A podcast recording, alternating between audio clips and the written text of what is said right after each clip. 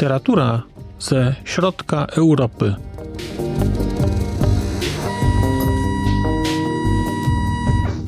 Podcast około książkowy.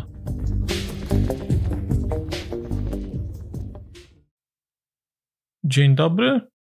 Zapraszam Państwa do wysłuchania kolejnego odcinka podcastu około książkowego Znak Litera Człowiek. Mówi Marcin Piotrowski. Chciałem dzisiaj opowiedzieć Państwu o książce Szkoła na granicy. Książce napisanej przez Gizę Otlika. Książce nie nowej, bo napisanej w roku 1959, a właściwie napisanej nieco wcześniej, ale która ukazała się w roku 1959. W Polsce ta książka miała trzy wydania. Po raz pierwszy ukazała się w roku 1973, później w 1980, a ja czytałem wydanie trzecie z roku 2014 w przekładzie Tadeusza Olszańskiego. To wydanie z roku 2014 ukazało się nakładem wydawnictwa WAB. Książka Szkoła na granicy Gizy Otlika to jest książka, która uchodzi za jedną z najważniejszych powieści węgierskich XX wieku. No i chociażby z tego powodu pojawiła się u mnie na czytelniczej liście rzeczy z Węgier i właściwie nawet powiedziałbym otwiera tę listę rzeczy węgierskich. Nie jest to książka mała, to jest około 500 stron. To jest taka bardzo konkretna powieść. Powieść, której główna akcja rozgrywa się w drugiej połowie lat dwudziestych w takiej małej miejscowości Kysegi, jeżeli dobrze czytam, bo akurat wymowa węgierska to nie jest coś, w czym się specjalizuję, więc to się nazywa chyba, ta miejscowość to jest chyba Kysegi. Jest to mała miejscowość, która położona jest e, na granicy węgiersko-austriackiej. To jest miejscowość, która stała się miejscowością graniczną po traktacie trianońskim.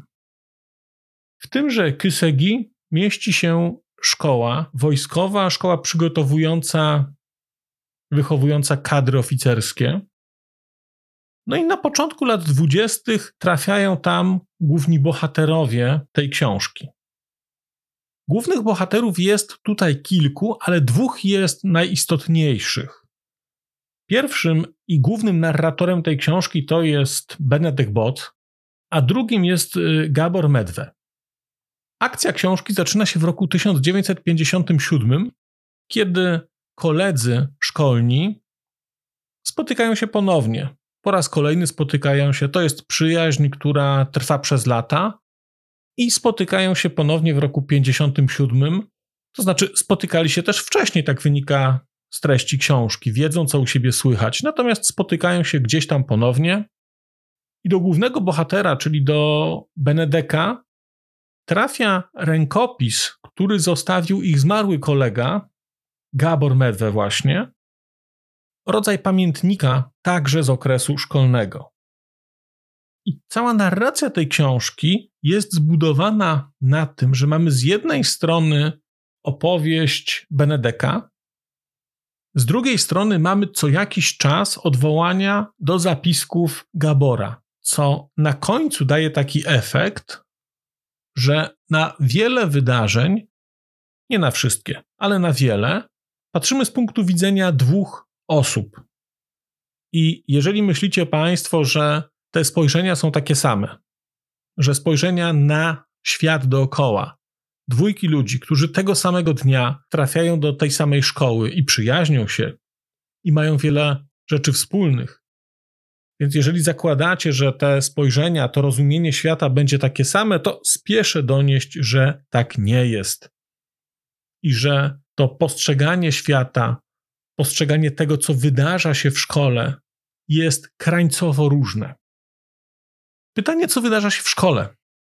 No cóż, tutaj nie mamy specjalnie odkrywczych wątków. Jeżeli powiemy sobie, że jest to szkoła wojskowa, że są to lata dwudzieste, no to cóż, no, trafimy do bardzo zamkniętej społeczności. do takiego właściwie mikrowszechświata, gdzie po przejściu przez bramę, kiedy trafia się za mur, tak naprawdę kończy się świat, który się znało, i zaczyna się świat całkowicie nieznany.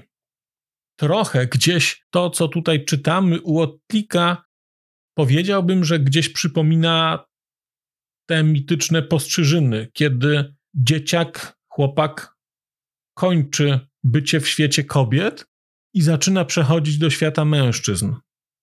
To, co znamy gdzieś z tych wątków słowiańskich, tutaj dostajemy w formie no, mocno uwspółcześnione już, ale rzeczywiście to są dzieciaki, które wcześniej były chowane przez matki, były chowane przez jakieś służące, przez opiekunki i nagle wkraczają do świata męskiego, świata na dodatek wojskowego. No i co się z tym wiąże? Hierarchiczność. To jest opowieść o hierarchiczności. To jest opowieść o hierarchii formalnej, o podziale na nauczycieli, na oficerów, na podoficerów, na pierwszy pluton, drugi pluton, na pierwszą klasę, drugą klasę. Ale do tego dochodzi jeszcze hierarchia nieformalna. Wydaje się, że chyba gorsza i wydaje się, że chyba dużo bardziej wpływająca na kształtowanie się psychiki młodego człowieka. No bo to są grupy wpływów, to są grupy trzymające władzę, to są sieci powiązań, które kształtują wszystko, co dzieje się każdego dnia po zakończeniu części oficjalnej. Skoro mamy zamkniętą społeczność, skoro mamy hierarchiczność, to efektem tego jest przemoc. I ta książka jest książką o przemocy, ale jednocześnie książką o przemocy takiej bardzo charakterystycznej. Ona nie jest taka oczywista, bo oczywiście jest tutaj przemoc psychiczna, i jest takie podporządkowywanie się. Ta właściwie książka to jest studium różnego typu podporządkowywania się sytuacjom przemocowym, różnym strategiom radzenia sobie z tym, ale na takim najbardziej oczywistym wymiarze przemocy fizycznej, ta książka nie jest oczywista, bo ta przemoc fizyczna, na przykład tutaj, która jest pokazana, to jest taka przemoc polegająca na tym, że ktoś zostaje na przykład spoliczkowany. To nie jest jakieś ciężkie pobicie. To jest spoliczkowanie. Tutaj wprost pojawia się nawet takie określenie, że te kocuwy nocne, nie chodziło w nich o ból, bo człowiek pod kocem przykryty, tłuczony ręcznikami, to nie bolało. Istotne było to, że było się ofiarą i że mogło się stać ofiarą. Istotne było upokorzenie, którego się doznawało. I właściwie większość historii, która pojawia się w tej książce, a właściwie cała główna historia, to jest historia o tym, jak sobie z tą przemocą radzić. Bo ta przemoc ma też granice. I granice tej przemocy wyznaczają też granice przyjaźni. Bo jeżeli spojrzycie Państwo, co pisze się o tej książce chociażby w internecie, to zobaczycie, że pisze się o tym, że to jest książka o przyjaźni. I rzeczywiście jest to książka o przyjaźni, i jest to książka o takiej bardzo szczerze opisanej przyjaźni. Ona nie jest słodka, ona nie jest cukierkowa, nie jest banalna.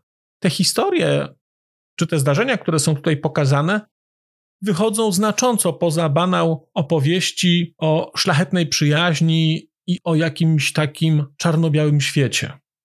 Tutaj tak to nie wygląda. I akurat to jest jedna z rzeczy, która mi się w tej książce podobała że ten świat tej przyjaźni, tych relacji jest taki zbalansowany. To znaczy, ktoś się przyjaźni, ale sobie tego nie uświadamia. Ktoś się lubi, ale to nie znaczy, że nie zostanie przez kogoś zdradzony, powiedziałbym. Zdradzony w cudzysłowie, bo to jest taka zdrada, która z punktu jednej osoby jest zdradą, z punktu drugiej osoby nie. Bardzo ciekawe są tutaj te rozważania dotyczące honoru, dotyczące jakiejś formy bliskości w tym świecie. Kiedy czytałem Szkołę na granicy, to byłem w trakcie tej lektury jakoś lekko, a później bardziej tą książką rozczarowany. Nie wiem, czego się spodziewałem, ale chyba spodziewałem się czegoś bardziej spektakularnego, może bardziej jakiegoś formalnie interesującego, ten zabieg, o którym tutaj wspominałem, dwóch narratorów i odnoszenia się do tych doświadczeń codziennych Benedeka, a później konfrontowania tego z zapisami z pamiętnika Gabora. To niby jest, później gdzieś to znika. Jest sporo przeskoków czasowych, ale gdzieś dla mnie brakowało w tej książce na poziomie napisania jej, na poziomie kompozycji, jakiegoś takiego pazura. Brakowało mi jakiejś takiej głównej przyprawy. Właściwie powiedziałbym, że przez dużą część czasu trochę się męczyłem. To znaczy, czytałem miałem nadzieję, że na kolejnej stronie będzie już coś, co zabierze mnie poza banał opowieści o szkole wojskowej i banał opowieści o chłopakach, którzy robią sobie świństwa, bo są w takim wieku, i banał opowieści o tym, że wojsko i hierarchia niszczy indywidualność. No to są oczywiste rzeczy. To są oczywiste rzeczy. Później, w końcowej części książki, to się zmienia, bo gdzieś ta dynamika się pojawia. I ta dynamika pojawia się wtedy, kiedy obserwujemy tego bohatera już w późniejszych klasach, kiedy on już jest starszy, kiedy inaczej patrzy na świat. Natomiast jeżeli spojrzymy sobie na proporcje tego, to powiedziałbym, że trzy czwarte tej książki to są historie, które wydarzyły się w przeciągu kilku pierwszych miesięcy bycia w szkole, a ta część taka późniejsza to jest mały dodatek do tej części pierwszej. I miałem takie poczucie, że gdyby ta książka była o dwie trzecie krótsza, to byłaby znacząco lepsza. Gdyby ta historia była bardziej skondensowana, bo mam wrażenie, że część tej książki jest po prostu zbędna. Niczego dla mnie specjalnego ten środek nie wnosił. Można oczywiście powiedzieć, że jestem osobą nieczułą i że nie rozumiem idei przyjaźni i tak dalej, i będzie to z pewnością prawda, gdyż jestem osobą wyjątkowo nieczułą. Niemniej skróciłbym tę książkę i wydaje mi się, że gdyby ona zamiast tych 500 stron miała 300 czy 250, to nie sądzę, żeby jakoś radykalnie straciła na swojej wymowie. Nie sądzę, żeby te problemy, które są tu pokazane, jakoś wybrzmiały słabiej. I dziwiłem się tej opinii, że to jest najważniejsza książka, najważniejsza powieść węgierska XX wieku. Dziwiłem się tej opinii do momentu, do którego nie przeczytałem posłowia do książki, które to posłowie napisał Peter Esterhazy. I to posłowie, te w sumie kilkanaście stron, sprawiły, że trochę inaczej zacząłem patrzeć na tę książkę. Nie to, że zmienił się radykalnie mój odbiór książki Gezy Otlika, ale zrozumiałem, dlaczego ta książka jest tak istotna dla węgierskiej literatury XX wieku. Esterhazy bardzo wprost pisze, że proza Otlika sytuuje się między Marajem a Kosztolanim i pokazuje też, jak bardzo, zwłaszcza w latach 70., pisarze węgierscy czerpali inspirację ze sposobu opisania świata przez Otlika. Dla mnie jest to no, nieczytelne kulturowo po prostu, zwyczajnie, ale dość powiedzieć, że Esterhazy był na tyle ujęty tym, co i jak jest przez Otlika opisane, że w roku 82 zrobił taki eksperyment przez chyba 3 czy 4 miesiące, przepisywał tę książkę ręcznie.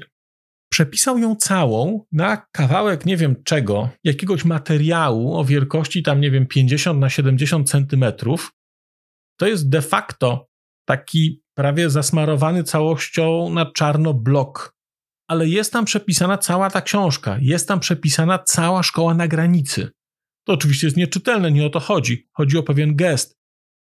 Więc jest w tym coś, co powoduje, że dla węgierskich pisarzy ta książka była takim fundamentem. Natomiast dla mnie takim fundamentem niewątpliwie nie jest. Ja tej książki aż tak wysoko nie cenię, ale nie znam kontekstu. A brak tego kontekstu okrutnie wychodzi. Wspomniałem na początku, że pierwsze spotkanie, kiedy spotykamy tych przyjaciół, jest rok 1957. Nie zwróciłem na to uwagi. Dopiero Esterhazy w tym posłowie mówi, A czy zastanawiali się Państwo, jak ten dziennik trafia do Benedeka? Co stało się z Gaborem? Jest rok 57, wiemy, że nie żyje. No właśnie. No właśnie, ja tego nie wychwyciłem, ale ta książka jest także oskarżeniem do wydarzeń roku 56, do tego, że Gabor nie żyje. Można się domyślać, co się z nim stało, jak zginął, no ale nie żyje i to mi umknęło, to mi przeszło. To jest coś takiego, że sądzę, że kiedy w Polsce powiemy rok 81, to wszyscy doskonale wiemy, co wtedy tam było, co wydarzyło się w roku 80. I myślę, że rok 1957 dla Węgrów też jest inaczej odkodowany. To jest coś pewnie, co automatem odnosi się do roku 56. Dla mnie nie zauważyłem tego. Nie zauważyłem tego, mimo że nastawiałem się na to, że będę w tym miesiącu przyglądał się właśnie też rokowi 56. No ale to jest ten kontekst. To jest siła kontekstu albo efekt braku znajomości tego kontekstu. No niestety, niestety, ja tego kontekstu nie znam i być może tę książkę odebrałem tak, a nie inaczej. Czy warto? To Państwo sami musicie ocenić. No jest to niewątpliwie powieść klasyczna, powieść modernistyczna. Ona jest taka bardzo konkretna, chociaż pojawiają się też tam takie elementy, nazwijmy to życia wewnętrznego, jakichś rozważań. Jest tam trochę takich, powiedzmy, eksperymentów, jest tych dwóch narratorów, ale całość jest taka bardzo, bardzo poprawna. Gdzieś spotkałem się z tym, że ta książka to jest jakieś odniesienie do Na Zachodzie bez zmian. No, to jest bardzo śmiałe porównanie, bo naprawdę ja, ja bym tak tego nie, nie, nie dał rady zestawić intelektualnie. Znaczy, intelektualnie to wydaje mi się, że ta książka, a książka Na Zachodzie bez zmian to są w ogóle dwie różne galaktyki na zachodzie bez zmian czytałem kilka razy i nigdy nie miałem wrażenia, że się nudzę, mimo że znam tę historię, a tutaj no, no trochę z obowiązku doczytałem i też tak chciałem się zorientować, jak to się skończy, czy to będzie naprawdę takie nudne do końca. Na szczęście nie było. Na szczęście w którymś momencie to się jakoś otworzyło i gdzieś kończyłem z nieco lepszym odczuciem niż zaczynałem. Ale zasadniczo nie wiem, jak miałbym polecić poświęcenie czasu na przeczytanie tam 500 czy 600 stron, to nie wiem, czy wspominałem kiedykolwiek o książce Józefa Szkwareckiego Przypadki inżyniera ludzkich dusz. To jest książka nieco większa objętościowo, ale zupełnie inna. Zupełnie inna. Więc jak mówię, decyzja należy do państwa, ja się nieco gizomotlikiem rozczarowałem, ale biorę też pod uwagę fakt, że to była pierwsza książka, która wjechała u mnie po miesiącu zanurzenia się w literaturę postmodernistyczną, gdzie forma jest cudowna i jest mnóstwo różnych rzeczy, a tutaj jest, nie wiem jak to powiedzieć, zwyczajna powieść, gdzie też są przeskoki czasowe i tak dalej, no ale no ale to nie jest Italo Calvino, to nie jest John Bart. No nie, no nie, no nie. Bardzo dziękuję Państwu za dzisiejsze spotkanie. Zapraszam do komentowania. Ciekaw jestem, czy czytali Państwo Szkołę na granicy. Jeżeli tak, to czy podzielają Państwo moją opinię na temat tejże książki? Chętnie podyskutuję.